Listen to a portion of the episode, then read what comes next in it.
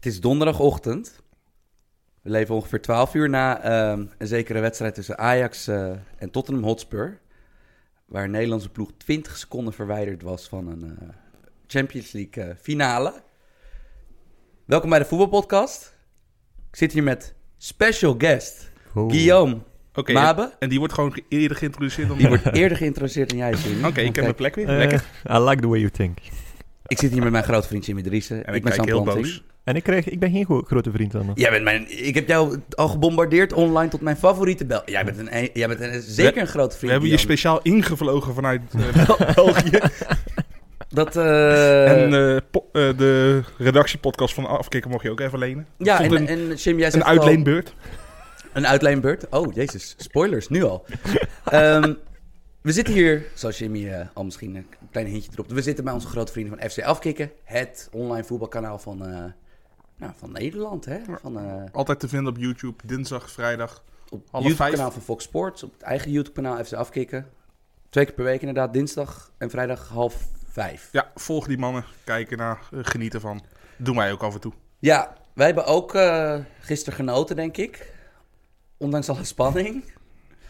Ehm, ja, dit leek toch wel heel even... Hebben jullie een moment gehad dat je dacht van... Ja, dit, dit, dit, dit, dit, dit gaat wel Lukken. komen? Ja, dit gaat lukken. Ja, een, be- een beetje hetzelfde als Toby Alderweireld eigenlijk. Die zei na minuut 86, 87 heb je daar die fase met Vertongen. Die daar tegen de lat kopt en in de rebound valt, denk ik gewoon. Ja, En ehm, toen dacht ik van oeh. dat ja. was wel even een beetje een molactie van Vertongen, dacht ik. Zoiets van, hij gunt het zijn oude club om door te gaan. Ja, dat was, zo- dat was zo het laatste. En toen dacht ik van oeh, mai.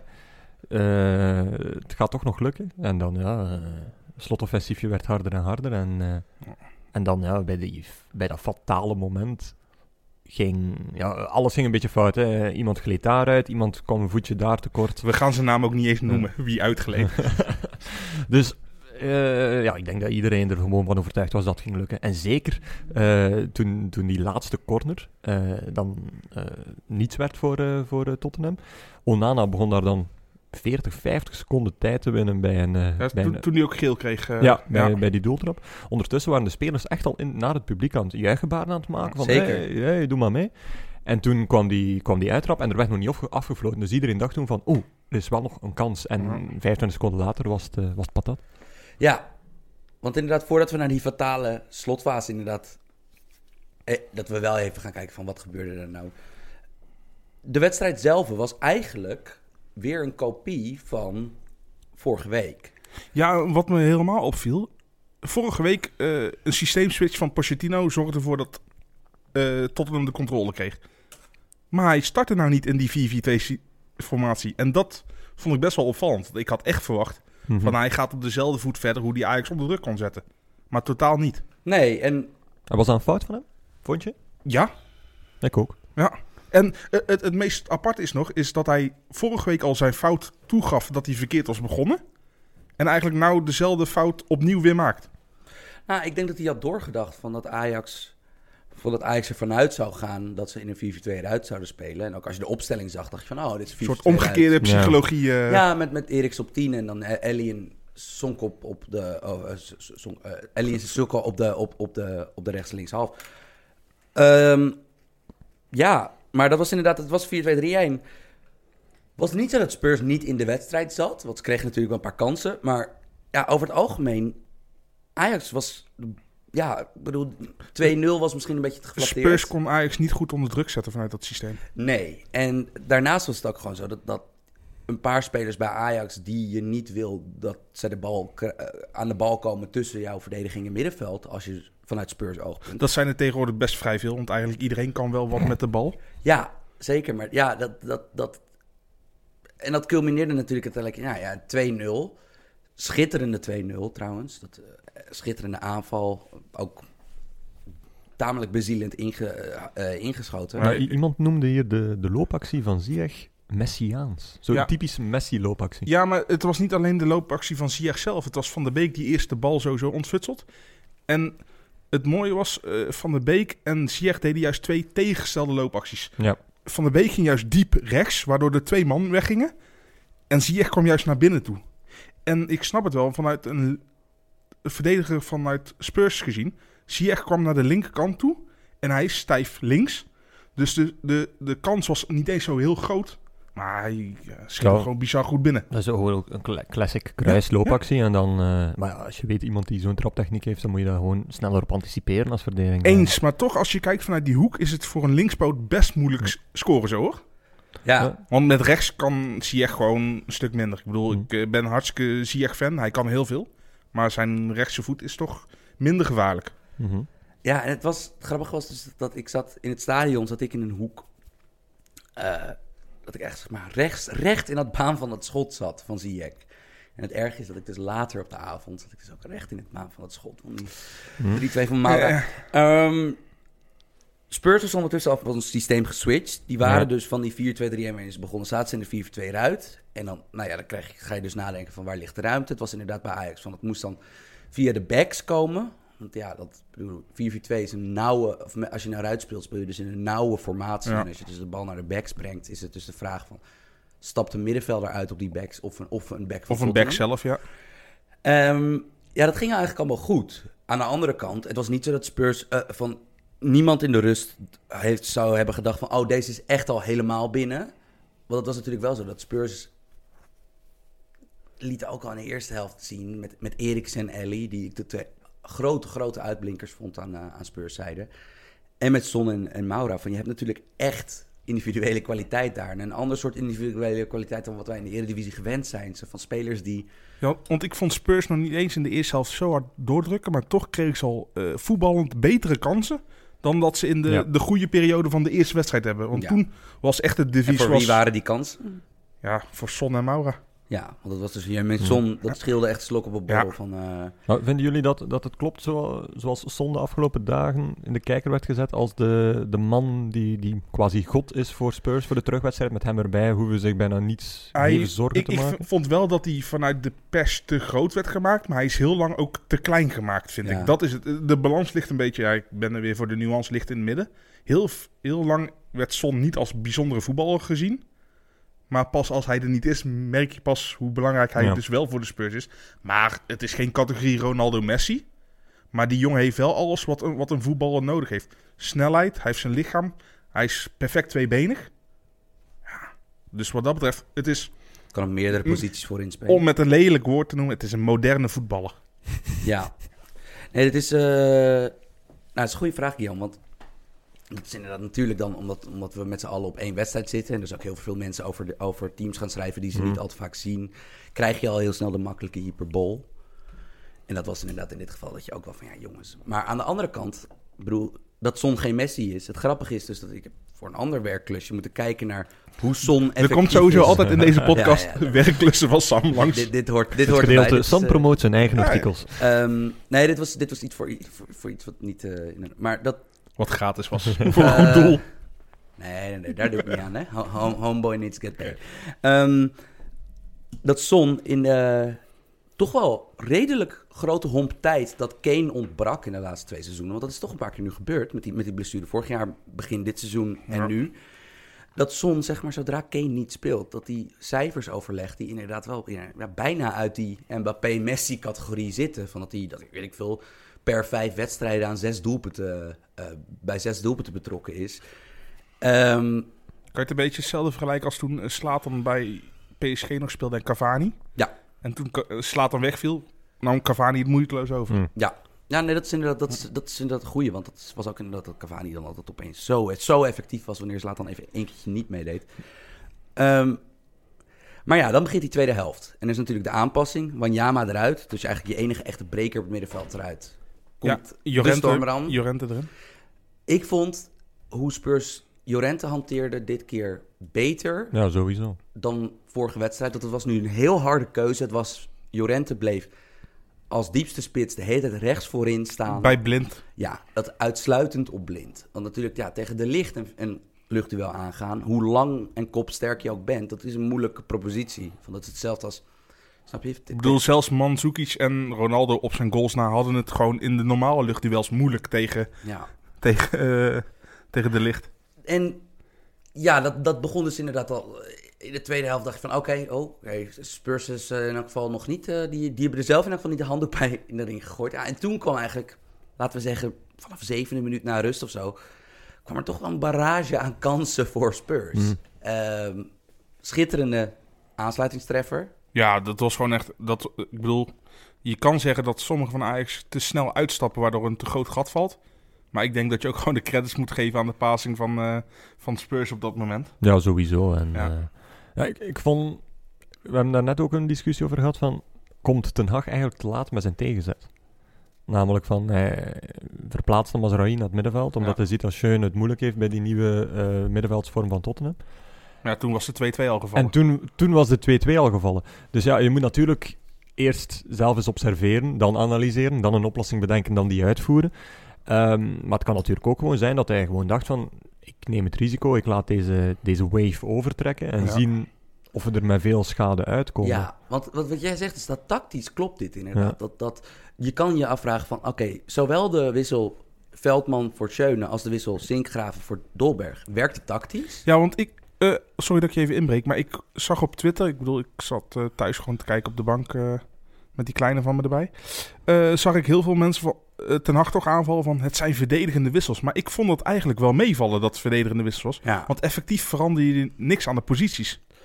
Ja, wat het, het grappige was inderdaad dat A, dat was zo. En B, je kreeg wat meer snelheid op het middenveld met Masraoui. Mhm. Van iemand die toch iets dynamischer overweg komt met al die loopacties van Ellie. En, en, en, en inderdaad toch, nou ja, Ja. het kat-en-muisspelletje van Eriksen. Die in, frustrerend goed was. Want ik heb hem eigenlijk bijna op, op geen enkel schoonheidsfoutje kunnen betrappen. Dat het was echt de bruine-esque qua, eh, qua, qua, qua, qua tempo dirigeren. Je kan misschien nog je twijfels inderdaad trekken, Guillaume, bij, bij de timing van die wissels. Ja. Eh, aan de andere kant, in balbezit herpakte Ajax zich. Want Ja. eigenlijk na die 2-2... Maar komt dat daardoor? Ja of nee? Eh, ze, ze kregen vooral wat meer grip op de, op de vleugelspelers van, eh, van Spurs. En dat vond ik eigenlijk een heel groot verdienste van eh, Joël Veldman. Die Mhm. gewoon eigenlijk weer ijzersterk aan het invallen was. Sinkgraaf ook trouwens. Eh, wat ik alleen jammer vind, ik bedoel, ik snapte de tactische wissel van Schöne wel. En ik ben het er ook helemaal mee eens. Alleen, ik denk wel dat we... Die 2-2 was ook gewoon puur ongeluk. Dat ligt niet aan Schöne alleen, want dat had... Nee. Schöne wordt er nou wel op afgerekend. Maar het had ook een andere speler kunnen overkomen. Ja. Ajax stond zo vast in eigen 16. Het is überhaupt een wonder dat Onana in eerste instantie de bal eruit hield. Mhm. Ja, en dan is er miscommunicatie. En ja, ik, ik wil daar Schöne niet direct de schuld van geven. Want als, stel nou hè, Die moet gewoon voor de keeper zijn, die bal. stel nou dat er een minuut minder blessuretijd was uitgetrokken. Of stel nou dat eh, na, wat Guillaume net heel, heel scherp omschrijft, van, ja. na het tijdrekken van Onana, die bal wordt in het spel ge- gepompt. Dan moet er gewoon Laatste afgesloten worden als er geen 40 Dan, seconden ja. eh gelummeld wordt. Hè? Dan zouden André Onana en Hakim Ziyech echt legendarische optredens hebben geleverd. Snap je? In een wedstrijd waar je team het echt moeilijk had, je beste wedstrijd van het seizoen spelen. Ja. Want ik vond zowel voor Onana als Ziyech dat echt het geval. Ja, nee, absoluut. Vond je dat van Onana? Want ik denk, eh, toch heel matig in de opbouw, vond ik. Heel veel risicovolle ballen die, Ja, maar dat is die niet de- uitkwamen. Guillaume, de- welkom bij de Onana-show. Bedoel- spelervatting zijn... Dit is niks nieuws voor Ik- eh, de ik, Ajax. ken geen voetbal, ik ken geen voetballers met meer, min, met meer zelfvertrouwen dan André Onana. Oké, oké. Van die is, die is, die, he, he does not give two fucks. Ja. Van, Nee.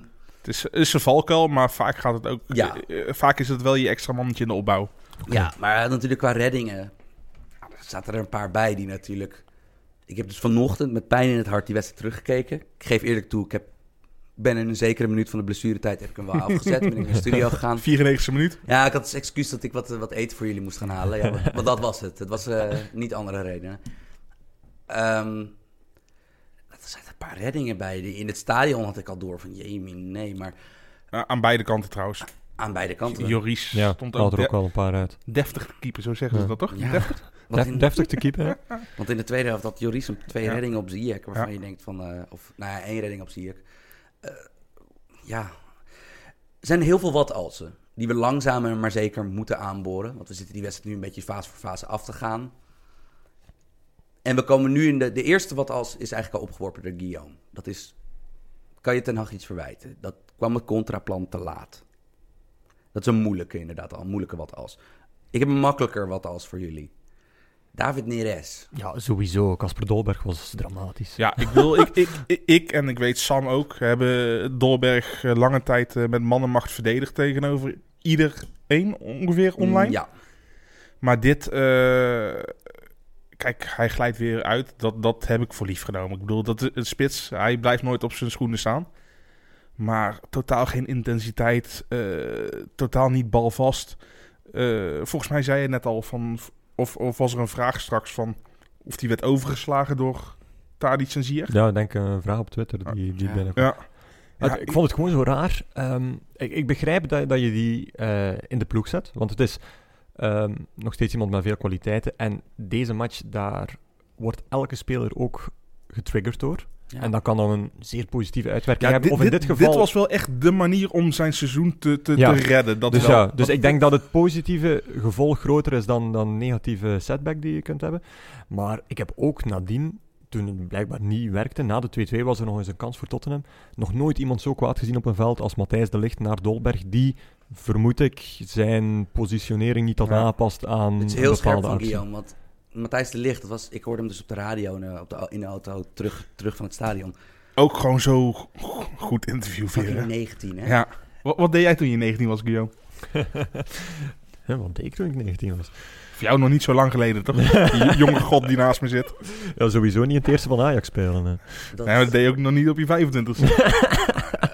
ik vond A inderdaad ongelooflijk. Ja. Maar B, wat, wat, maar Guillaume legde hier wel de vinger, vinger op de zere plek. Want de Licht zijn eh, eigenlijk het enige spel inhoudelijk wat hij tegen de NOS zei. Hm. zei. Hij zei het ook zonder dat er naar gevraagd werd. Want eh, kennelijk is...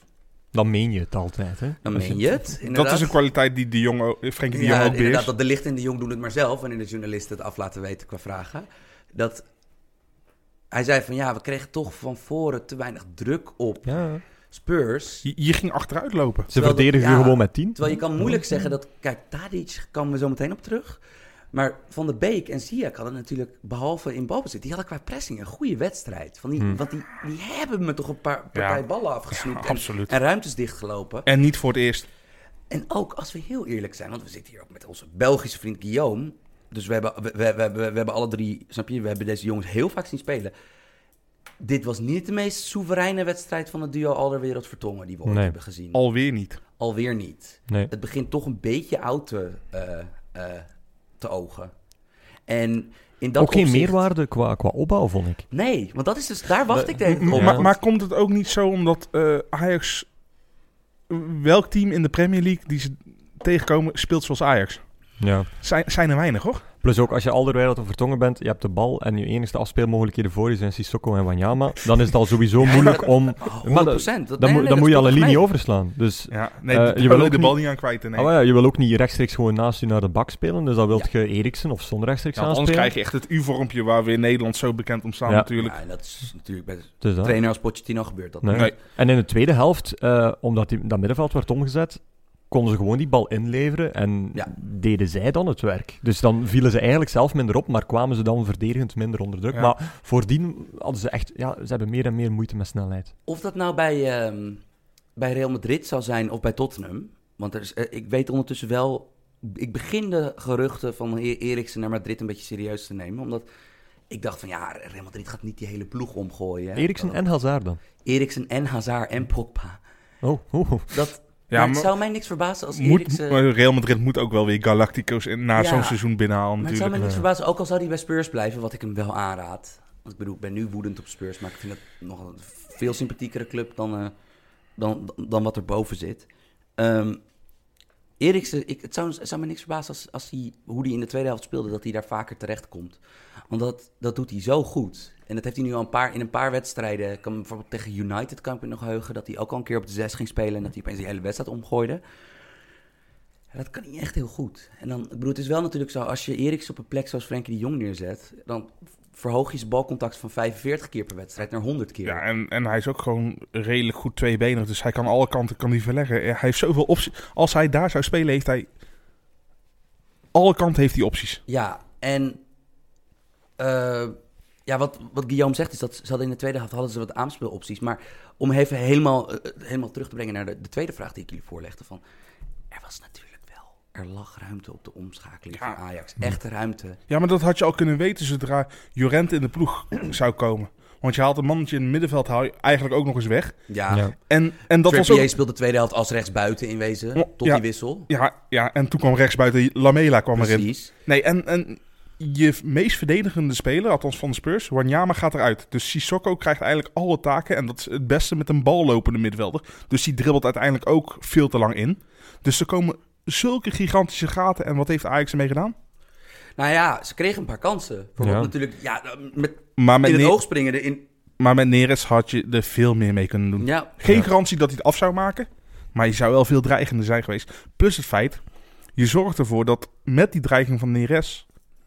dat Spurs ook niet alleen maar van bank kan spelen. nee. Want dan moeten ze toch nog... Helemaal omdat Davison Sanchez ook ontbrak. Want dat is... Ik bedoel, ik vond Sanchez niet geweldig spelen in de eerste eh, wedstrijd. Maar hij kan wel met zijn snelheid de counters eruit halen. Ja, Ja, als je het nou hebt over een verdediger. Ik bedoel, dat hebben we bij Bos natuurlijk. hebben, want Ajax kon onder het bos zo ver Ja. de middenlijn opspelen. Omdat Sanchez gewoon een, een sprinter is. ik, heb Ja. dus, ik heb dus ooit een keer op zo'n eh, zo'n zo'n ik heb zo'n zo'n zo'n systeem waarmee ik alle wedstrijden en acties terug kan kijken. Ik heb dus gekeken, hij heeft dus in één seizoen, hij heeft twaalf van die, Ja, belachelijk hij snel. had twaalf van die inhaalsprintacties in één seizoen. Toen, tegen, Bos, hè, A- dat die- A- tegen ADO Den Haag, die was geweldig. ja, en ook in De- heb jij denk ik niet gezien, maar... Ik kan- kan er mij wel iets bij voorstellen. Maar ja. Davison Sanchez die stond gewoon nog in de spits bij Ajax, zeg maar. En die haalde Geraldo Becker, ook geen langzame jongen van ADO Den Haag, haalde die in alsof Becker stil stond. Ja. Bizar. Maar ja, nu komen we een beetje bij de pijnlijke punten uit. Want Ja, Neres is een open deur. Hè. Neres dat is een open eh, deur. Maar ja. deze hadden we echt niet zien aankomen. Want dit is normaal gesproken big game player. Big is- Energy. Ja. Die speelde... ja, maar toch als, als linksbuiten in de Europese wedstrijden in, tegen de top, is hij als spits veel beter. Ja, Ja. al is het alleen maar omdat meestal bij topteams er voetballende verdedigers staan... die niet zo'n fan zijn van doordekken. En dat hij natuurlijk altijd richting het middenveld uitzakt. En Ajax kon de bal al niet meer in de ploeg houden op het moment dat Tadic naar de spits toe ging. En dan is het heel moeilijk om dat nog te keren. Ja, want het was natuurlijk wel... Het was vreemd dat eigenlijk... Ja, toch degene, de, de, de clutch jongen... van toch een beetje de... Bijvoorbeeld bij, bij, eh, bij... Om even de link naar België te trekken. Bijvoorbeeld elke keer als ik Genk zie... zie ik elke keer in die grote wedstrijden... dat ze zeg maar op weg naar het kampioenschap... zie ik Trossard elke Ja, keer. ja, ja. is dan En altijd, Pozuelo eh, is nog. Ja, Trossard echt letterlijk een verbindingsman die plotseling veel meer gaat Ja. zwerven dan, dan anders. Ja, en Tadic...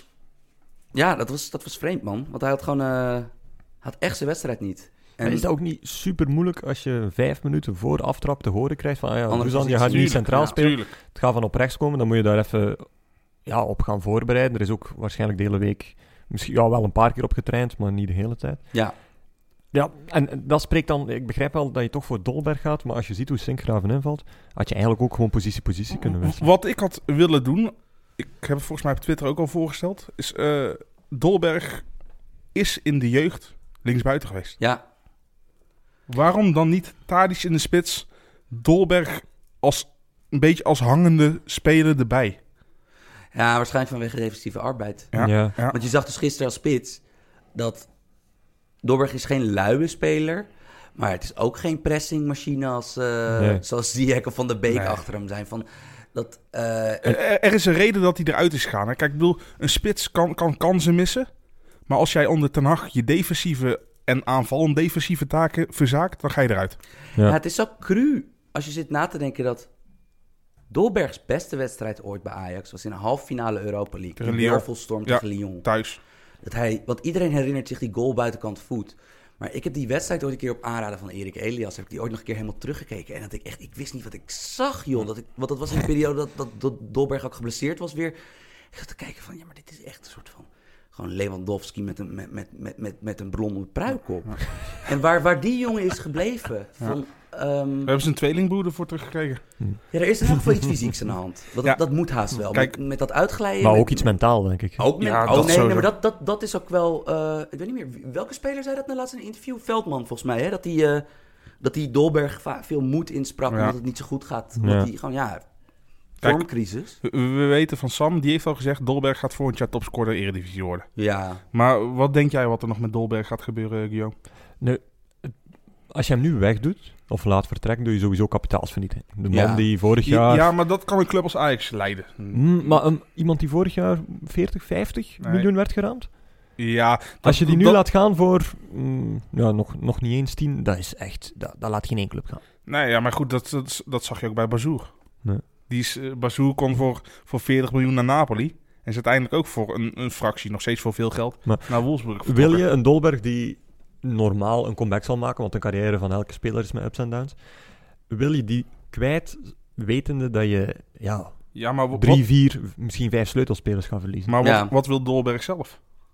Ja, welke keuzes gaat Ja. Dolberg Ja, zelf maar hij, hebben? hij heeft zelf dat, hij is altijd de grap. Ik is niet dat hij wil vertrekken eigenlijk, want eh, hij, hij weet ook wel dat het niet aan de club ligt. Het ligt aan een, een vormcrisis. Ik denk dat hij, alleen zoals ik het lees in Nederlandse media, lijkt het mij wel dat hij beseft dat, dat, dat het voor- ook mee aan hem ligt.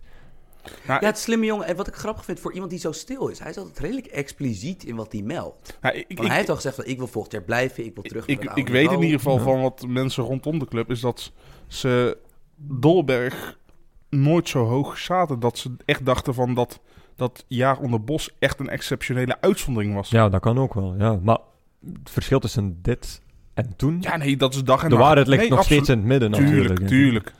Ja, en de grap is dus dat... Ik moest gisteren denken aan een passage die ik, over, die ik ooit Bos heb horen zeggen. In een, in een interview met Michiel de Hoog en Pieters. Eh, dat hij dat hij dol is op zinkgraven. Dat zinkgraven, dus die van origine was toch een aanvallende middenvelder toen hij bij Ajax Mhm. binnenkwam. Later Ja. omgeturnd tot linksback. Ja, eerst, nog, eerst voordat hij linksback werd, is hij ook nog als linksbuiten ge- Zeker. geprobeerd. Als je hem zag spelen gisteren... Dat is, een, dat is nou een voetballer die we zijn vergeten met z'n allen. Ja. Die is goed. Ja, ik vond wel alleen dat hij af en toe iets te, te lang wachtte met de keuzes. Maar je merkte wel dat hij al in alles wel een oplossing zag. Ja, en dan het tweede, jongens. Volgende di- dilemma, wat in die tweede helft steeds meer zichtbaar was. Derde inmiddels. Of derde, Vier- derde, vierde, denk ik. vierde misschien zelfs. Frenkie de Jong speelde in de eerste helft eigenlijk weer keizerlijk des Frenkies. In de tweede helft had ik het idee, maar dan moeten jullie het zeggen, want misschien was hij het gewoon kwijt. Maar ik had het idee dat hij te veel brandjes moest blussen. Die te veel... Ja, als je ziet welke slijdings hij er nog uit moest halen. Iedereen moest te veel brandjes blussen. Hè? ja. Ja. Ik weet niet of het specifiek aan, aan Frenkie lag. Of, of dat hij specifiek meer taken kreeg. Het probleem is, ja, als je je spelbepalende spelers moet plotseling meer laten verdedigen dan aanvallen, dan kom je er gewoon niet meer onderuit. Ja. Het is gewoon een gigantisch cliché, maar ook een wetmatigheid. Maar dit, dat is ook goed waar, waar Spurs met dat opportunistische middenveld vooral op inspeelde natuurlijk. Van ga zoveel eh, cha- chaos creëren daar. Ja, Dat de spelers van Ajax uit positie moeten lopen bij balverlies ook. ja. Ja, dat vond ik wel. Ik, ik had eindelijk het gevoel in die 180 minuten daarna, dus de tweede helft, het laatste 45 minuten, dat er eindelijk hier een beetje durf was bij Tottenham. Ja, echt absoluut, zo. Tuurlijk. zeker.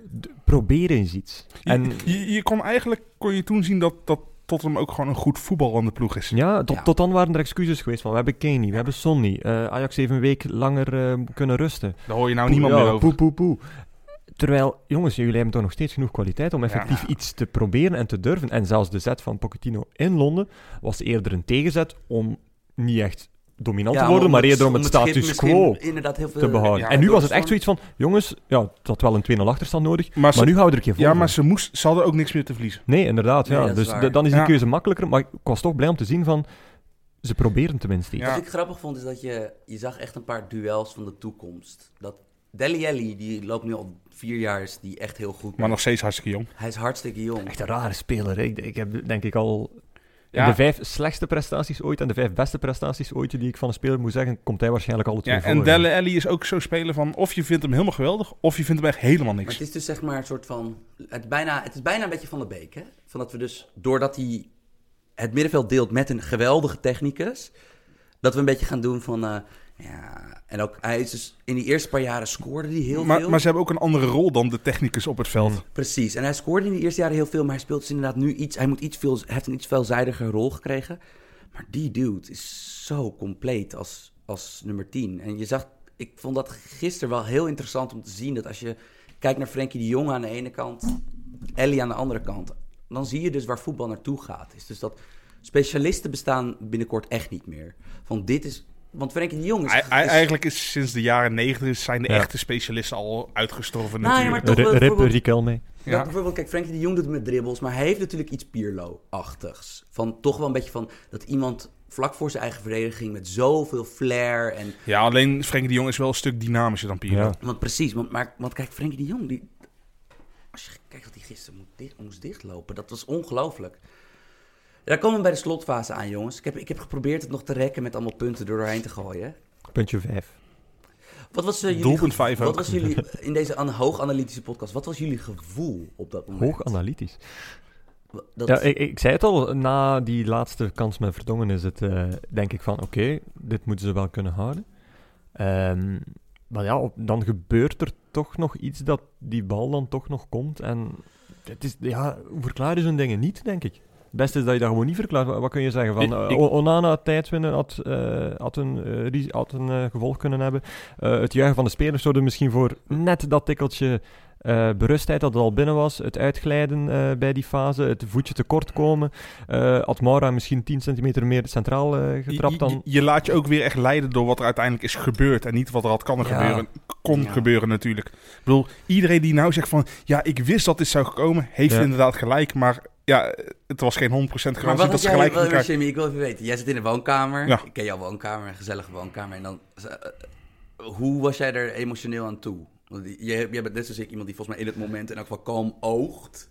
Ja, ik, ik, ik was eigenlijk sowieso... Was ik heel de wedstrijd wel kalm. Bij de 2-2 kreeg ik toch wel kriebels al. Maar toen eigenlijk Ajax weer veel beter in het spel kwam... Ja, inderdaad. had ik totaal niet verwacht dat Tottenham nog die 3-2 ging scoren. Ook al gingen ze aan echt druk zetten. Want ik had echt van, Ajax krijgt die kans nog. Hij had hetzelfde als Guillaume, want het, bij, dat- bij die scrimmage waar, waar Vertongen dus tegen de lat aankwam van... Ik dacht dat dat van... Ik dacht van, oh, dat was hem. Ja, ja Dat was precies. moment. Van, Ja. Die is niet gevallen, oké, nou gaan we het redden. Ja, en En, en voor hetzelfde geld, kijk, ik bedoel, we, we hebben het nou over Onana die tijd trekt. Maar op, eh, voor hetzelfde geld wint hij er wel meer seconden mee dan dat hij ervoor terugkrijgt. En is hij de held. Ja, oh, Ja. Ik, ik had zeker niet op Onana steken. Want, Nee, nee, maar- dit is gewoon zo'n fase van... nee. Je moet de fase niet analyseren. Je moet gewoon analyseren wat de laatste 95 Precies, minuten want gebeurd als je de fase analyseert, dan lijken de Slimile, Ziyech en Onana. Terwijl die Ja. buitengewoon waren. Ja. Die, eh, Dus het is, het is gewoon gek. Maar eh, ik, ik, ik begrijp, ik ben nog nooit eh, getuige geweest live in een stadion van zoveel ontnuchtering. Echt waar. Eh, we hebben allemaal, ik kreeg al een opmerking van, nou ja, eh, je bent een millennial, je hebt nooit en David Platt die meegemaakt en dergelijke. Oh, en ik Ja. zo, ja oké, maar ik, ik spreek letterlijk over aanwezig zijn hier. Ik had ook veel meer gevoelens bij eh, Thibaut Courtois, die Neymar van de van Maar jij, de- jij kan nou een beetje ook als, haalde. als bij, uit buitenstaander. Je hebt, er ook, je hebt er zelf minder gevoel bij. Ja, dus ah, wel. dan kan je ook veel Dus- beter analyseren wat er om je heen gebeurt. omdat je zelf niet hoog in de emotie zit. Wat er echt gebeurde was echt zo van wow, eh, echt muisstil voor, voor, voor 1, Ja. 2 seconden. Maar nu achteraf, nu dat we een nachtje over geslapen hebben, heb ik echt zoiets van, dit is eigenlijk het, een, een perfect einde van, van, van deze campagne. En niet, Ja, in niet in de betekenis van positief, Nee. ne- negatief, maar echt van, dit is de climax, Ja. of het nu een drama is of ultieme euforie, die eh, deze campagne verdiend heeft. En dit is leuker dan bijvoorbeeld 2-0 verliezen in de finale tegen Liverpool, droogjes. Ja, een beetje, Dit hoort er gewoon een bij. beetje zoals de Europa League finale. Want tegen Spurs hebben we nou alle kansen gehad. ja. Heb je het zelf laten liggen wat echt Want gigantisch kut kan, is. jij, kan jij je nog de Europa League finale herinneren van Ja. twee jaar geleden? Van Fellaini, uiteraard. Ja, die, Fellaini? die, oh nee, dat die wedstrijd was al over voordat begonnen Dat was. Ja, dat was, was een ja. dramatische match. Ik, ik heb hem zelfs niet uitgekeken. denk. Nee, en dat was ook... Maar het voor de was- neutrale kijker was het niet om aan te zien. Ik heb die wedstrijd dus een paar maanden geleden nadat dus er was een artikel dat Bos het zelf ging terugkijken voor het eerst. Want Peter Bos keek normaal gesproken elke wedstrijd acht Ja, keer terug. heb ik dit gelezen, ja. Nooit dat hij. eh, toen wil ik hem zelf gaan terugkijken. Toen dacht ik, ja verdomd. Want het was een rete saaie wedstrijd. Maar Ja. eigenlijk, er gebeurde aan beide kanten niks. Nee, ook Ajax had niet de middelen om in te grijpen op dat plan. Nee, Dus en- het was zoiets van, oké, en nu 90 minuten Maar wachten. dit aan alle kanten. En nou ja, laten we het even vanuit. Het proberen, proberen heel vanuit het Spurs-perspectief te kijken. Ja. Die zijn dus A met dit wonder naar de, naar de finale gekomen. En ze zijn in de halve finale gekomen met een teennagel van Aguero die buiten spel stond. Ja, en nog sterker. We gaan even terug naar de groepsfase. On good old Nick Viergever, die zorgt ervoor met een tackle dat Inter niet kan scoren. Ja, in de slotseconde. Ja, want, want ik bedoel, Inter heeft zijn finale heeft gewoon zijn, zijn ticket naar de volgende ronde weggegeven. Ja. Ja. Het was zelfs niet op doelsaldo, het was echt op gemaakt aantal doelpunten. Ja, want eh Ja. had Spurs geen negatief doelsaldo? Ik denk alle twee min 1 of Ja, zo. Ja, de- ja, door Barça. En 9 gemaakt en Inter 8 of zo. Dat is echt, ja, echt gek, hè. Ja, en ehm, laten we het even hebben over de ploeg die Spurs gaat eh, treffen. Kort, eh, wa- maar dat is ook een wonder. Liverpool. Ik bedoel, Ja. eh, ik bedoel, voor de neutrale kijkers, shout-out to Jordi en eh, Peter. ja, waren dit wel twee gigantische affiches die, die, die, die wel weer hoop doen geven op, op leuke wedstrijden in de Champions League. Zonder de usual suspects. Maar echt, ik, ik vind... Er zijn heel veel usual suspects vaak, en dit kan een uitzonderingsjaar zijn, maar zelfs met die usual suspects de afgelopen jaren, er zijn toch echt ontiegelijk veel lekkere wedstrijden. ja, ook met PSG tegen Like, Barcelona. Liverpool-Barcelona is eigenlijk een zeer traditionele affiche. En het is nu leuk dat er eens een, een kleintje dat doet, en dat geeft ook hoop, hoop aan al die kleintjes. Dat doet dromen. Maar ja, zo'n remontada of een redmontada of een Ja, Redmontorigigi, Ja, noem het maar. Dat zijn wel die ook gewoon we, gun- we twee keer- gunnen het ze het niet helemaal, maar als je kijkt naar het pad naar de Champions League van Real Madrid bij die vier gewonnen. Ja, Van daar zitten ook wel een paar echte. Dat je denkt van, nou, hoe toveren ze dit weer uit Ja, de hoogte, tuurlijk, hoor? ja. Van, het het verhaal overstijgt, het verhaal overstijgt het idee van, oh, het is altijd hetzelfde. Ja, maar dat is dan, het is inderdaad, we hebben echt geluk gehad met het toernooien. En we hebben dus ook dit WK, bijvoorbeeld dat zou Guillaume echt anders beleefd hebben dan wij. Doordat natuurlijk gewoon de Duivels hadden gewoon echt Mhm. een kans op eindwinst. Maar Laten, was- we, laten we Ja, eerlijk ja, zijn. maar het was echt geen leuk WK om te zien, niet hoor. leuk. Het was echt niet leuk voor ons als buitenlanders. Sorry. Eh, wacht, hè, even nadenken. Ik, eh, hoe, echt, welke leuke matchen waren er? Ik weet, Frankrijk-Denemarken was echt een drama, hè? 0-0 zeker? Dat Maar was een salonremise. ik, ik heb denk ik alle matchen live gezien buiten drie of vier. En ik denk Frankrijk-Denemarken, toen, toen dacht ik echt van wow, dit Maar- is echt wel is de climax Ja. van de Maar- groepsuit. maar- ja, we waren constant bezig, denk ik, over Tuurlijk. ja, weer een doelpunt uit, eh, uit een standaard situatie. Dit is het standaard Precies, situatie WK. Ja. En het is niet het WK geweest van de heerlijke trappen of van de tactische uitvindingen. San Pauli die tegenviel, waar we Ja, veel verwachtingen Want over ik, hadden. ik kan me geen... Ik bedoel, ik ben toch redelijk wel goed met mijn geheugen... maar ik kan geen vijf mooie doelpunten van het WK uit open spelmomenten herinneren. Wij, hadden het geluk dat we, dat we gewoon mooie momenten hadden. En die countergoal tegen Japan, dat Ja. kan je nog zien als een open spelmoment. Ja. Ehm, Nou, en al, gewoon... al begonnen jullie daar ook niet zo goed, toch? en de tactische positionering tegen Brazilië, wat ik nog steeds denk ik de tacti tactisch beste move van het WK vond. Ja. Ehm, Maar, komende van Roberto Martinez. maar het, mocht ook Dus, wel, eh, het, mocht Kan ook, vergeven. het mocht ook wel een keer, hè? Ja, het mo- ja, nou, Ja, nou wel, mocht het wel. eh. maar nee, dat, dat was echt... eh, alleen na dat WK toch nog zo'n Champions League krijgen, dat doe... Ja, eigenlijk zou Champions League nooit mogen eh, stoppen te bestaan. Nee. Ja, nou, d- d- Ja, ik zou zeggen, hou het nieuws in de gaten hè, de komende tijd. Want het is natuurlijk weer... Kijk, het, hele, kijk, het leuke is dus dat Rory Smith... Wie is ik denk- Rory Smit? Ja, dat is, een- dat, is, een- dat is de voetbalschrijver van de New York Times. Maar dat is dus een Britse jongen. En die is verschrikkelijk goed. En die had eigenlijk iets waar ik... Ja, hij, hij maaide het gras voor mijn voeten weg. Ik had al een heel verhaal eh, in, mijn, in mijn hoofd bedacht. Maar hij verwoordde het in één tweet eigenlijk geweldig van... Het moderne topvoetbal is niet ingericht dat dit nog hoort te gebeuren. Wat Ajax heeft gedaan. Ja, maar dat maakt het verhaal des te mooier natuurlijk. Want dat is gewoon een feit. En we hebben het nu met Monaco. Kijk, Monaco is een vervelende Mhm. club. Dat ze geen fans hebben. Dat het een prinsendom is. Dat het ook gewoon een belasting... Snap je? Het is gewoon een soort van ademende belastingtruc. Maar het is nu natuurlijk nu wel twee keer in drie jaar gebeurd. Van dat er, of in- twee keer in, eh, in drie toernooien gebeurd. Dat, Mhm. dat, dat, er, dat er een team is wat nog met de Matrix durft te spotten. En we weten allemaal hoe het met AS Monaco is verlopen met dat team. Ik bedoel, daar, daar speelt er nog eentje wel daar. En eh, de rest is... eh, Ja, maar over, over, even over Liverpool gesproken, jongens. Wat ik gewoon zo knapper aan vind. En dat, dat verlies, dat, dat raak je bijna uit het zicht door de, de emoties van zo'n avond. Zonder Firmino en Salah. Ja, dat is echt Van gek, dat, hè? dat je dat van tevoren. Van dat is zo bizar. waar helden afvallen, staan nieuwe helden op. Wauw. Ja, jezus. Wie was, Ja. wie was jullie grote held van die avond? Shakiri, Wijnaldum? omdat helemaal niks lukte. Ja, kuifarend van Gillian. Wie, wie gaf er hier de opmerking dat het Shakiri was die de aanleiding gaf Michiel de Hoog van de correspondent. Die, tot die, de befaamde corner? Ja, nee, van Trent eh, Alexander. Ja. Dus hij deed één ding goed. Ja, zeggen van, doe dat. En hij krijgt er niet eens de volledige credits voor. dit, Ja. is, eh, dit is nu mijn werkende theorie, eh Guillaume, over wat er met die corners gebeurt. Ja. Ik denk dat het een Is dit een aluminium hoedjes theorie of... Nou, je kent me. Een beetje 50 Ja, dus. Ja, je weet je wat ik bedoel. Het zou zomaar kunnen dat ik dit vier bier diep heb bedacht. Maar ehm, ik denk dat het een ingestudeerde variant is. Maar niet hard ingestudeerd. Ik denk niet Pas dat- als de mogelijkheid ervoor zou kunnen doen, dan anticiperen precies. we En erop. ook dat het niet per se, dat er niet hard zwart op wit stond van... Divok, eh Origi, eh, jij moet hier alvast staan, eh, dit en dat. Maar ik denk dus wel dat, er- dat, dit, dat deze variant geoefend is op de training. Ja, want Klopp heeft al aangegeven, want ik had gezien dat zodra er een spelhervatting was, Barcelona met zes man naar de scheids ging. Ja, Precies. Maar is iets ingestudeerd als je tegen een speler zegt van... Jongens, als de kans zich voordoet, doe dit. Dit- Nee. Dat is toch een kwestie van logisch verstand? ja, nee, maar Het is ik, gewoon de mogelijkheid geven van... ik Jullie denk, mogen dit doen als Ja. de gelegenheid zich voordoet. maar ik denk niet dat het... Ik denk wel dat het iets meer richting ingestudeerd gaat. Want Ja, want zelfs de ballenjongen... de ballenjongen was snel en het was oh, niet oh, zo dat... oh, Oakley Cannonier of iets. Eh, ge- Ja, Geniaal dat is naam. wel weer geniaal dat hij ook al...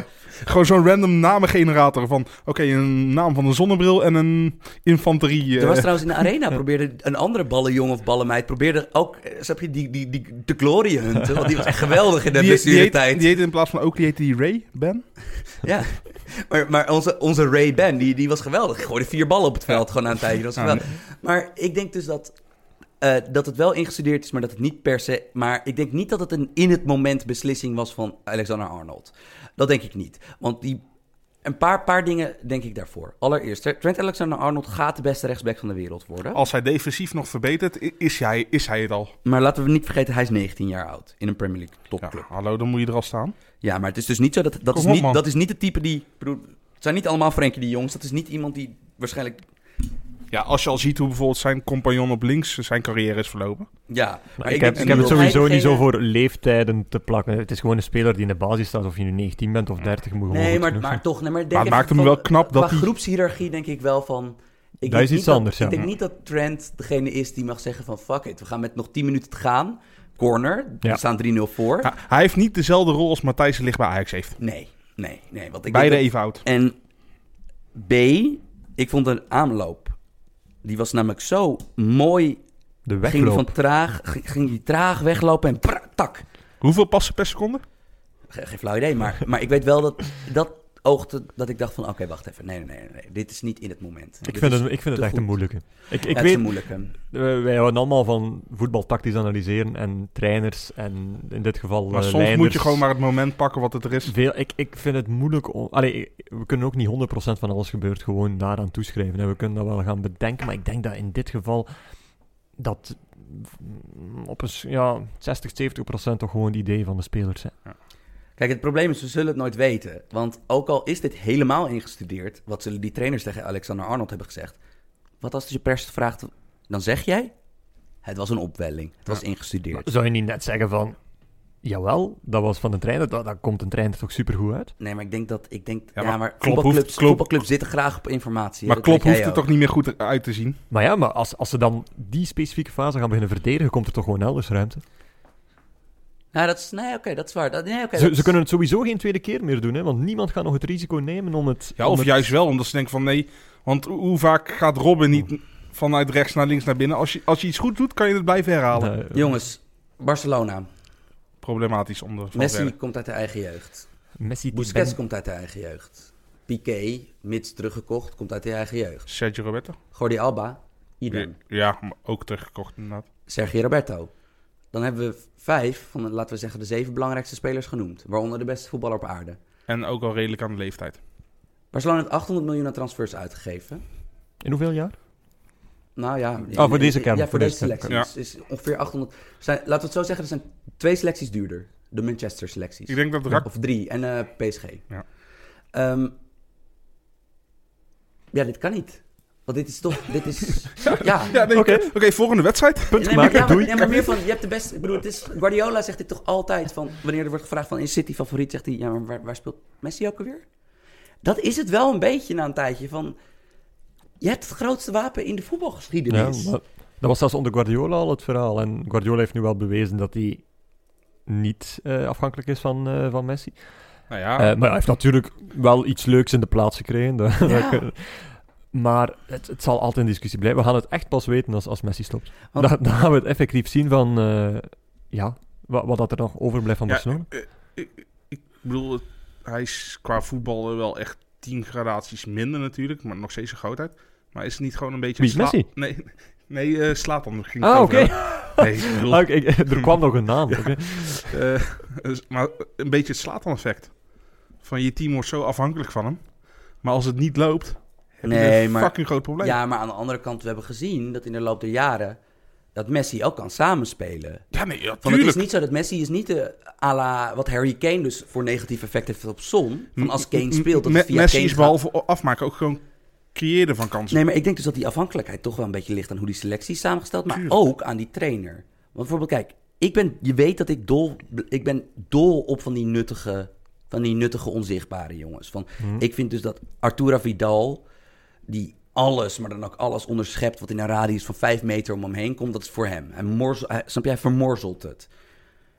Maar je hebt betere versies van Vidal hebt- lopen om Precies, Vidal te spelen. als je, dan, ja. als je dan Barcelona in balbezit gi- eergisteren zag. Kevin Prins Boateng. Ja, nee maar, maar- nee, maar die speelde dan nog niet. Want, maar in Nee, de maar wedstrijd, waarom- waarom hou je ja. die gasten Nee, maar wat, in de wedstrijd van het jaar, dan speelt Vidal en Arthur niet. En dan denk ik wel van, ja, kom op hé, dit is Barcelona. Dit is een ploeg die letterlijk, zeg maar, het aanvallend voetbal... wat we in het moderne voetbal spelen, heeft uitgevonden. Hm. En ook dan, ja, duidelijk is ja. er iets met politiek aan de hand. Dat want- Arthur niet speelde was toch bizar eigenlijk. Voor dat iemand... was bizar. En dat Coutinho's wel speelde is eigenlijk ook bizar. Want, kom op. Je kan niet op basis van dit seizoen zeggen van... ja, deze, moet, deze jongen moet in de wedstrijd van het jaar erin staan. Is Coutinho na Alexis Sanchez de slechtste transfer van de topclub de laatste jaren? Qua, qua, qua, qua prij- prij- qua, qua prijs wordt het Oh, moeilijk, verhouding, ja. Qua verhouding zeker. er zijn natuurlijk wel raardere... Bedoel, Sanchez is echt een bizarre transfer. Ja. Maar qua wat, wat, wat, wat hij heeft moeten kosten... Maar ik denk dat bijna ook niemand dit zag aankomen. ja, was maar, briljant maar, bij maar ze hadden maar ze hadden natuurlijk ook nooit verwacht dat Neymar weg zou gaan bij Barcelona. Nee. Nee. O- En, Ook even een tikje geven trouwens aan de mensen die eh, deze nederlaag steken op Dombele. Die de 4-0 niet maakte. Want tuurlijk had hij moeten scoren, maar, allee, dat er daar nog, maar echt effectief mensen denken dat er 90 minuten later dan nog een uitwerking zou hebben. Ja, ja, maar. Guillaume, hij Je- speelt je, je, Fortnite. je hebt een ja, maar je, En hij gebruikt, hij gebruikt straattaal en, en hij speelt Fortnite. Dus hij heeft het je- je gedaan. hebt een fucking 3-0 voorsprong. Dan ga je niet de, de, de uitblijvende 4-0 op iemand afschuiven. Je hebt een 3-0 Nee. voorsprong, ga je de laatste wedstrijd in. Jongens, overleeft Valverde dit? Eh, Spaans Le- voetbal is... letterlijk eh, of figuurlijk? Nee, nee, nee, figuurlijk, figuurlijk. Maar, Maar- wo- wordt er in Spanje veel, Ja, zijn er veel beschikbare opvolgers? Dat is de vraag. Nou, er was al een spotprint in, eh, in een krant, hè? Ja. Van dat, eh, dat, die- dat eh, Valverde Messi twee Champions League titels heeft gekotst. Want ik zit te denken, Spaans voetbalcultuur, hè? Of nou, sorry, Catalaanse Ja. voetbal. Ik bedoel, die is natuurlijk eh, pittiger dan wat wij in Nederland en België gewend Tot, zijn. zal ik even een bommetje gooien? Oh, ik, ik- Tot, Tottenham wint de Champions League. Pochettino gaat naar Barça. Ik vind Pochettino meer een Real, man. ik, ik denk dat Barça wel de ide- zo'n typische ploeg is, en ze hebben het al vaker gedaan in het verleden, om nu iemand zoals Xavi heeft net zijn trainersdiploma Ja. behaald. Ja, oh, dit, dit, Ja, dit, maar, dit. maar, maar Guardiola Ja. was een voltreffer. Dat wil niet zeggen dat Xavi het is, hè? Ja, maar, Nee, je weet, maar- ja, maar je weet bij Barcelona, het is alleen maar politiek. Ja, Toch? Dat is ook zo. Het is alleen maar symboolpolitiek. Plus ja, eh, Messi is er sowieso nog steeds. Hè? Dus eh, Xavi heeft nog steeds Messi om mee, om mee te starten. Dus Ja. Misschien moet ze Iniesta als eh, conditietrainer terugnemen dan of zo. Ja. Gewoon, eh, gewoon het New Boys, Old Boys netwerk wordt er dan gewoon weer Oh, ik, natuurlijk. zie dit, ik zie dit nu al helemaal voor me. Ja. En B, ik denk dat er even een paar... Als je even kijkt naar zo'n Sam Umtiti.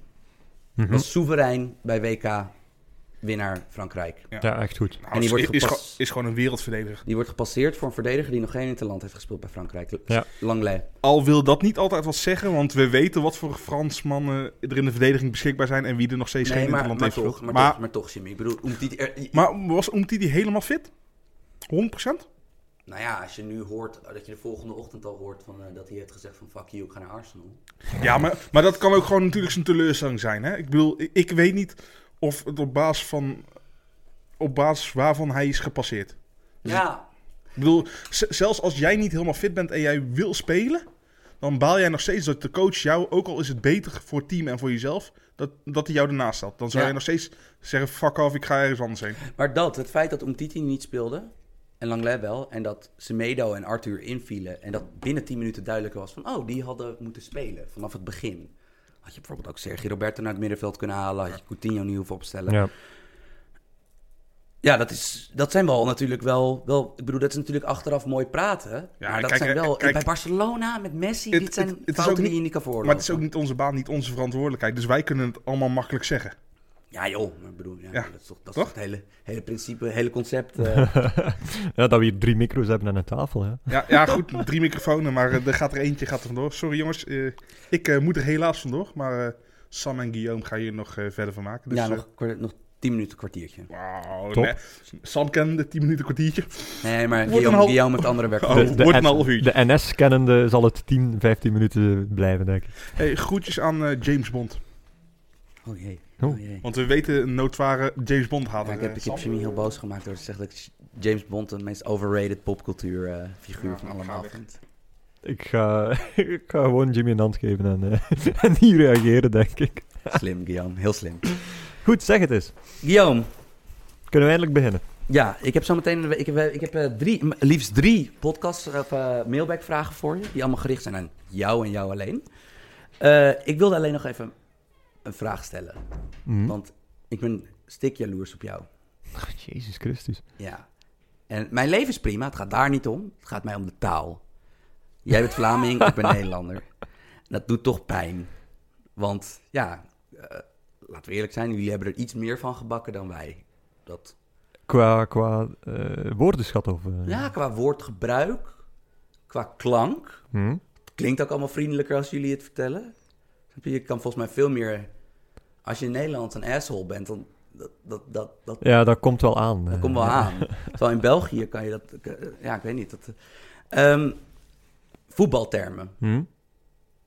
Heb jij mooi voor ons? Een Belgische voetbalterm waarvan je denkt... Ja, die moeten wij wel eigenlijk Ja, hierover gaan nemen. Het probleem is, jullie zijn daar heel hard op, op gefixeerd, maar wij, wij, denk, wij weten eigenlijk niet wat typisch Belgisch is. Nee. Dat, dat, dat is maar je had het er wel één voor ons. Want Ja, om, ja omdat, hier, omdat hier net op de redactie van FC Afkikken werd gezegd. Namelijk ehm, dat Tottenham op verplaatsing wel beter speelde dan thuis tegen Ajax.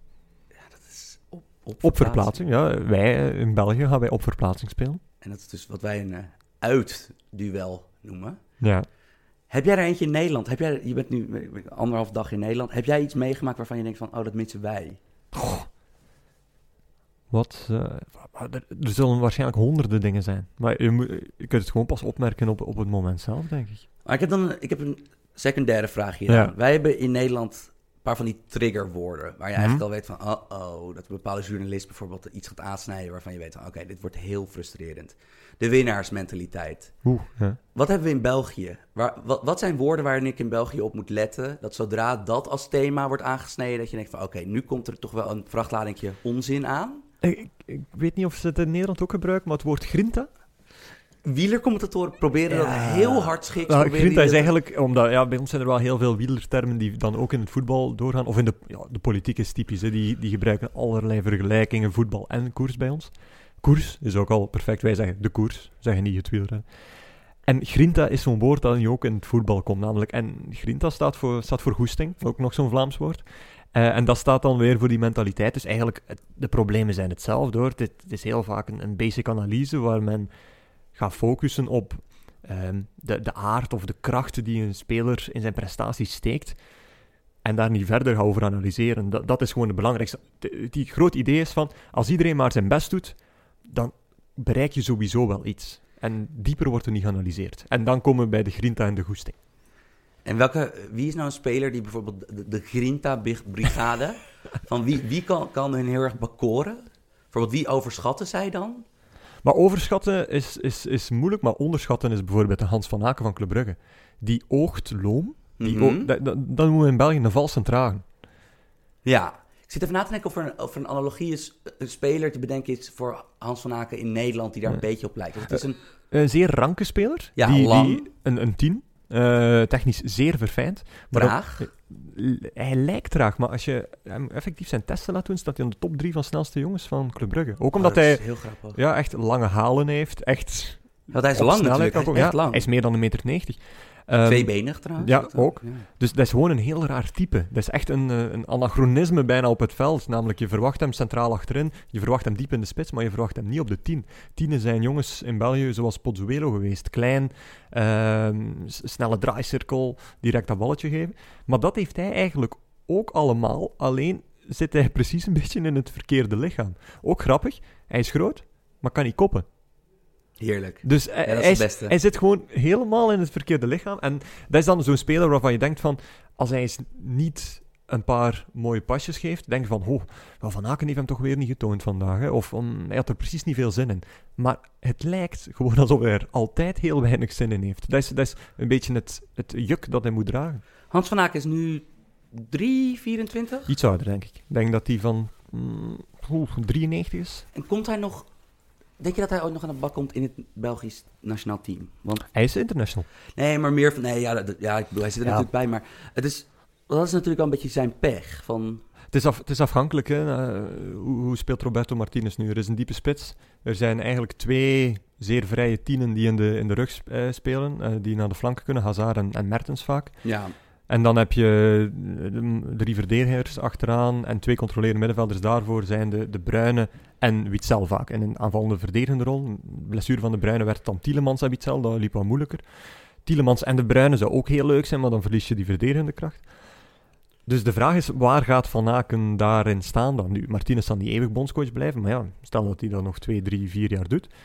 Tegen dan is, is er waarschijnlijk al iemand nieuw opgestaan. En om dan je vanaf je 29, 30 nog in de nationale ploeg als basisspeler te spelen, is moeilijk. Dus eh, eigenlijk een speler zoals Trossard, die we al even hebben aangekaart van Genk, die past misschien iets beter in dat systeem, terwijl die niet beter hoeft te zijn dan Van Aken. Je moet gewoon ook een beetje geluk hebben dat de nationale ploeg daar net nood aan heeft. Voordat we de... Want we, komen al een beetje richting de mailback-vraag. Maar eh, ik heb, er, ik heb één- eerst één zelf één vraag. Hm. Van bijvoorbeeld... Ik denk dat jij... Dat, ik bedoel, jij zit veel op het internet en ook... Bedoel, je wer- werkt natuurlijk voor een grote krant. Ehm, Nederlandse interesse in de Jupiler Pro League is laag. Ja. Die is de, de- ja, te laag in mijn ogen. Maar aan de andere kant, ja... Ik snap het ook wel. dat Als je buitenlands voetbal gaat kijken, ga je naar de top. Is dat in België hetzelfde geval voor de Eredivisie? Ik, ik heb een beetje het gevoel dat sinds werkelijk alles beschikbaar is geworden, en dat is eigenlijk raar om te zien, wij kunnen eigenlijk met één muisklik, met één eh, zenderverandering op tv, kunnen wij e- bijna eender welke Nederlandse match zien als wij dat willen. Maar net daardoor, denk ik, is het, is het persoonlijke mening, is het gewoon verkleind. Vroeger wa- was bij mij altijd een vaste ramine in het weekend, en dat zal wel heel herkenbaar zijn. Zaterdag namiddag begon met Sportshow, Duits overzichten. Zaterdagavond was dan bij ons stadion, denk ik. Ja. En ook ehm, op NOS was dan eh, niet Studio Voetbal, of hoe? Studio Sport. Studio Sport gewoon. Ja. Ehm, maar Studio Voetbal was toen ook al het praatprogramma.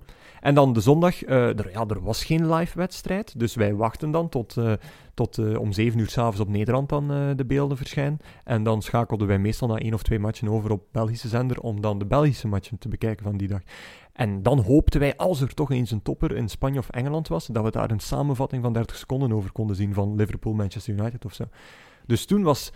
Ja, toen, toen leefden wij echt mee met bijvoorbeeld, stel dat eh, Groningen eh, wekenlang op een vierde plaats kon, eh, kon verblijven, kon kamperen. Ehm, PSV het heel goed deed, Feyenoord het niet goed deed.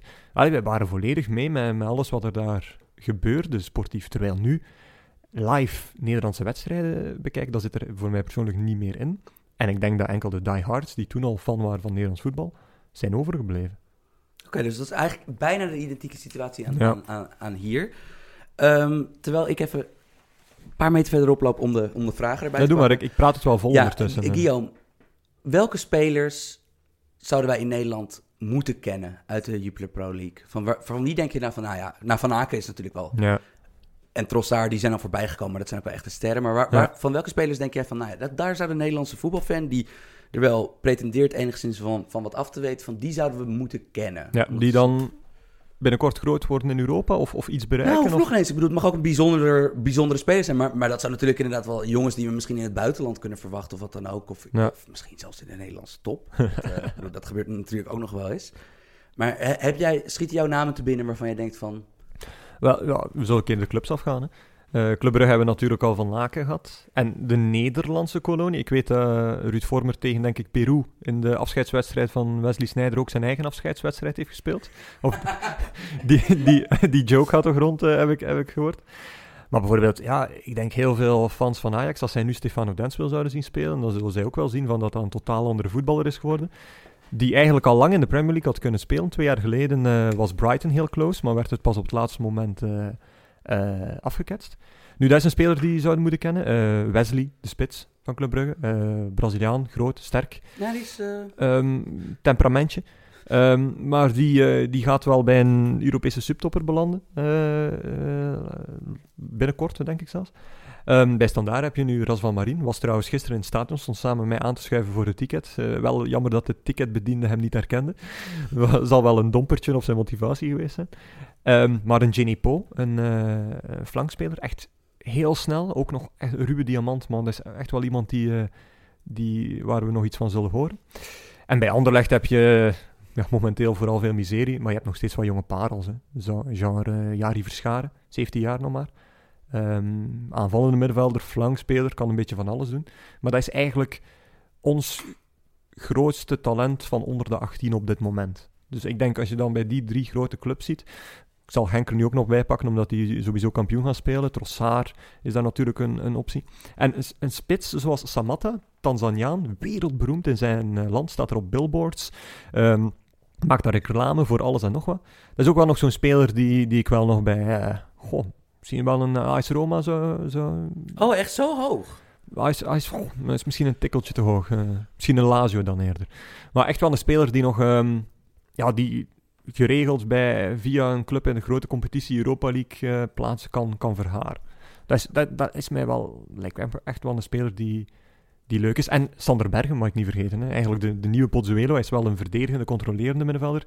Maar dat is, ja, heeft ook het grootste... Die wordt wel eens in verband gebracht met Ajax. Is dat haalbaar? Denk ik, ik denk dat hij dat stapje zelfs kan overslaan. Dat denk ik namelijk ook. Ja, ik, ik denk, uh, los van wat Ajax nu gepresteerd heeft, hij zou direct kunnen meedraaien. En ik denk dat Sander Bergen nu een ploeg nodig heeft waar hij niet meteen zou kunnen meedraaien. Waar dat hij effectief getrackerd wordt. Ik denk dat die echt heel goed kan worden. Ja. Er, uh, hij had veel kritiek gekregen. Dat, uh, ik noem dat Lucas Biglia-syndroom bij Anderlecht. Lucas Biglia was een middenvelder die in zijn eerste jaar bij Anderlecht vooral lateraal speelde. Uh, balletjes naar de zijkant. Maar dan ook eigenlijk naar voren is beginnen passen. En dus die risico's begon te nemen. En dus efficiënter werd en meer, meer hielp bij de, bij de opbouw. En Sander Bergen doet dat nu al veel vaker. En, en Sander Bergen is een gigantische jongen ook nog eens. Die is ook zo een, een meter 90, maar echt ook wel een techniek hoor. Ja. Echt, echt een beetje de, als Van Aken, hij is een beetje de Hans van Aken van Genk, maar dan op de 6 in plaats van op uh, de 10. Maar hij kan ook een 8 zijn. Kan misschien zelfs een 10 zijn als hij later wil. Maar nu 6-8 is echt een, ja, een toppositie voor hem. En uh, club zelf moeten nu al um, ehm, 20 miljoen betalen voor hem. Dus uh, die, die komt wel ergens mooi terecht. Uh, Guillaume, ik had, een, ik had een simpeler vraag voor je. Want het sluit hier, het sluit hier allemaal, het komt allemaal natuurlijk. Het, jouw Belg, Belgendom is natuurlijk iets wat, wat, wat de, onze volgers op Twitter heel erg aantrekt en wat dan ook. Uh, ik heb van meerdere mensen, maar ik heb hier even uh, Tom, wie ja. gebruikersnaam geen achternaam heeft, en, en Ruud Knieriem. Die vragen eigenlijk in wezen, Guillaume, het niveauverschil tussen de Jupiler Pro League en de, en de Eredivisie. Zit, is, is daar sprake van überhaupt? het is moeilijk te zeggen, omdat ik zelf nog maar weinig Nederlandse matchen uh, bekijk.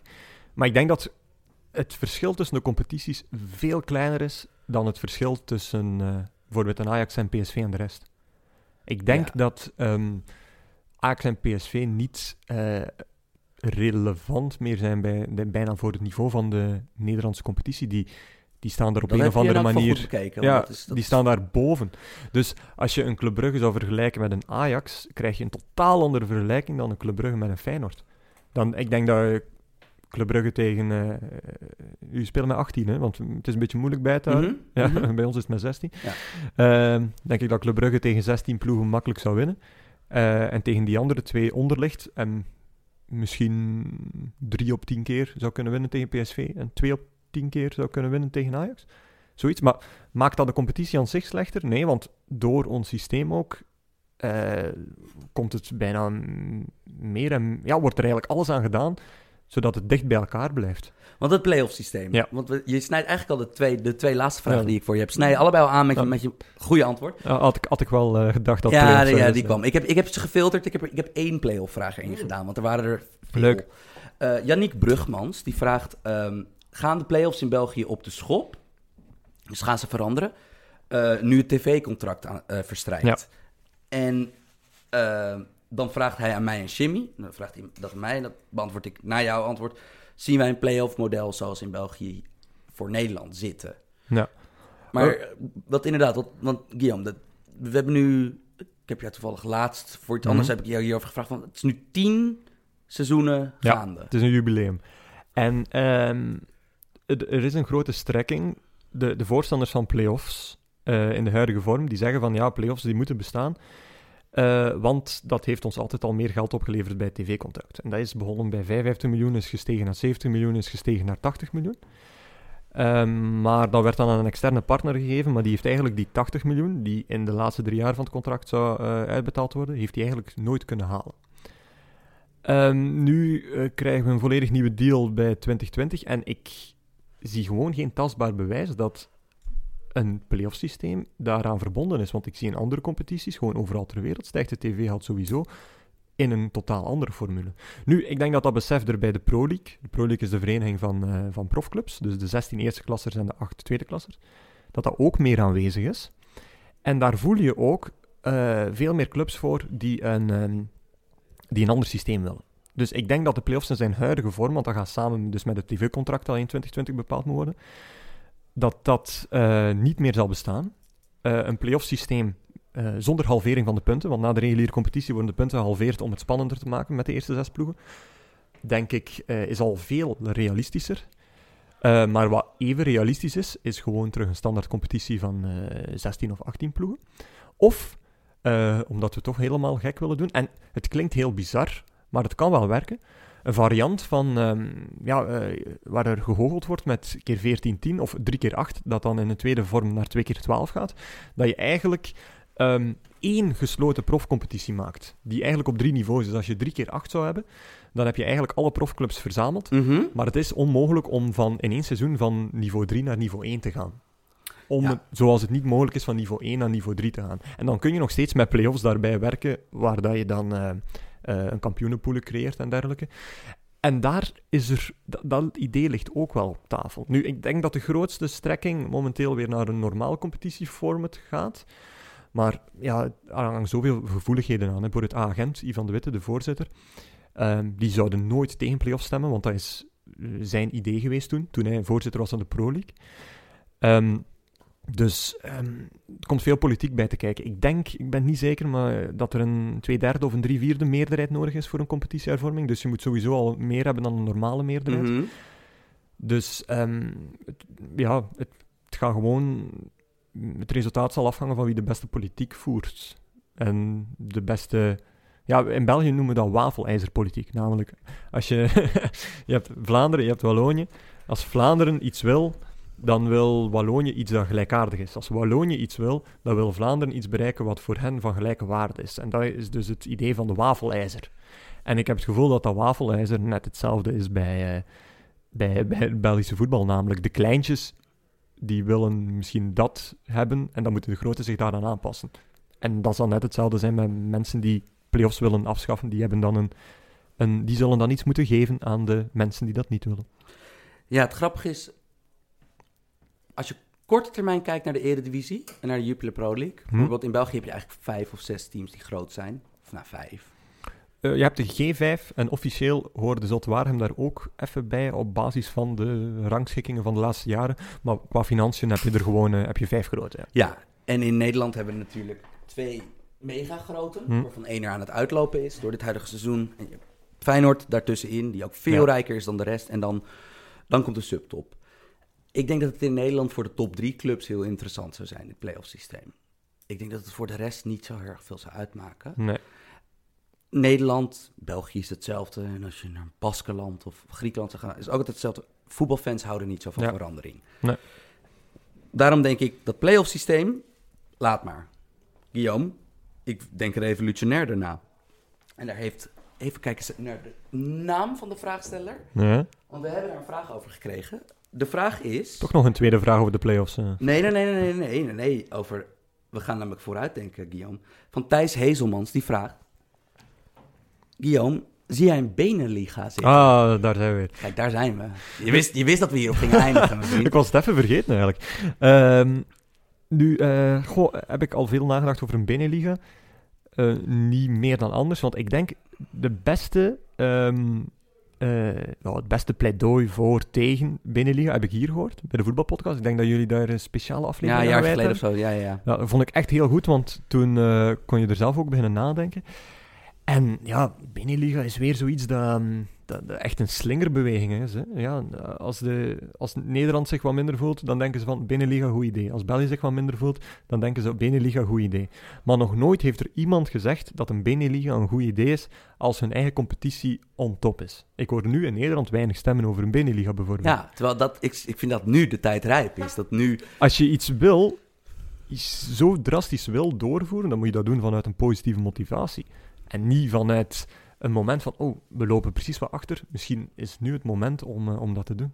Nu, ehm, goh, de argumenten. Eh fans gaan meer moeten beginnen reizen. Ehm, dan denk je van, oei, dat is aanpassen. Maar anderzijds, ja, in Frankrijk doe je niets anders. Nee. Ehm, eh, Twente Club Brugge heeft daar veel geschiedenis, heeft daar veel gevoel. Mm, ik weet het niet, maar voetbal is zo veranderd dat je hebt nog steeds ook je Club Brugge Anderlechts dan. Hè? Dus heeft een Club Brugge Twente dan zoveel minder waarde dan een Club Brugge tegen Lokeren? Eh, dat denk ik nu niet. En na een paar jaar zijn mensen dat ook vergeten. Het playoff systeem is bij ons ook al genormaliseerd, ondanks dat er wel nog kritiek is. Ehm, dus ik, ik weet het niet goed of die argumenten die tegen worden gebruikt echt legit zijn. Maar om nu te zeggen van dit, maakt ons, dit gaat ons beter maken, sportief, daar heb ik nog nooit een bewijs van gezien. En dit gaat ons beter maken financieel, want we kunnen onze rechten in een groter draagvlak eh, verkopen. Dat geloof ik al. Allee, het is geen kwestie van geloven. Ik heb ook nog nooit daar een bewijs voor gezien. Het is niet omdat je. Stel nu dat we ook nog Luxemburg erbij nemen. En, eh, en eh, Oostenrijk en Polen. En dat we eigenlijk al heel die tussenas tussen die grote landen pakken. Dat we met een land of 15 zijn. Dan nog, als je dat uiteindelijk deelt door 15, ga je op hetzelfde stranden. Denk ik. Dus ik. ik probleem is, geen enkel argument van de voorkant of de tegenkanting is, is dominerend voor mij. Is dat een antwoord? een heel genuanceerd, doordacht antwoord. Ja, ik blijf altijd bij wat mij altijd de doorslag geeft. Is dan, het zou een competitievere competitie worden. En dat is toch letterlijk het woord competitie is. Ja, dat weet ik niet. Ik bedoel, ja, dat, van mij hoeft de Ajax de graafschap niet. Dat, dat, ja, ja, dat is heel arrogant om te zeggen als iemand die in Amsterdam is geboren. Maar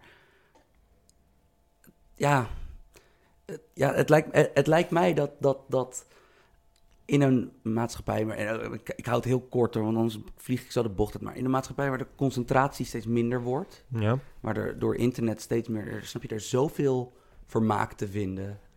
Op, snap je, binnen 10 Ja, ja. seconden kan je je eigen vermaak vinden. Dat ik denk, ja, we moeten toch een beetje echt vooruit denken van hoe houden we voetbal leuk? Ja. Hoe houden we het spannend, spectaculairder dan het nu is? ja. En dan, ja, ik weet het inderdaad, wat, wat, alles wat jij aansnijdt. Maar dat punt ook weer, hè, namelijk Ajax de Graafschap, dat is gewoon omdat dat nummer 1 is tegen nummer 15, 16. Nu, als je die ploegen allemaal samen neemt, pakt 8 van België en 8 van Nederland, dan gaat er nog steeds een 1 tegen 15 zijn. En de eerste jaren zal dat niet duidelijk worden, maar na vijf jaar zal je zien dat die spelers, stel nu dat, standaard is nu eh 4 in België, stel nu zij worden 8 in, eh, in de, pakt 9 in de, in de Beneliga dan gaan de spelers die de keuze hebben om naar de Beneliga te gaan en het niveau hebben van de nummer 4 in die competitie, effectief naar de nummer 4 in die competitie gaan en niet naar de nummer 9. Dus ik denk dat voor heel veel clubs die hopen om zo wat te groeien of, of, of groot te blijven, dat dat nadelig gaat zijn. Dus stel nu dat de Graafschap een van die... eh, dat Nederlandse competitie nu met 6 zou zijn Mhm. dan zal de graafschap zich ook meer als een nummer 6 kunnen gedragen en beter worden dan die tweede klassers. Als ze dan nadien in eh, die tweede klasse terechtkomen, dan gaan ze niet plotseling eh, op, het, op het niveau van de 14e beste of 15e beste club van Nederland acteren. Omdat ze na dat die is een heel goed punt. Dus dat is, ja, het probleem is, alles gaat uiteindelijk weer... goh ja, hoe zou je dat omschrijven? Dat ontzwelt zich en dat gaat terug weer in het model lopen. Of je nu eerst mensen samen komt, komt eh, gooien en werpen, uiteindelijk haal je er na een paar jaar weer, weer hetzelfde uit. Omdat er altijd een beste en een slechtste moet zijn. Guillaume, mag ik jou van harte danken? Zeker. Eh, ik wilde trouwens nog een SO doen naar, eh, in deze België 10 uitzending naar Stijn Huizigems. Oké. Hem nog? Eh, Stijn is momenteel postbode. Momenteel postbode. Ja. Echt waar. Heb jij nog iemand waar je, waar je van denkt van nou, die, die moet een SO krijgen, die moet de groeten krijgen? Eh, um, Laurent Delorge. There we go. Ja. Dat is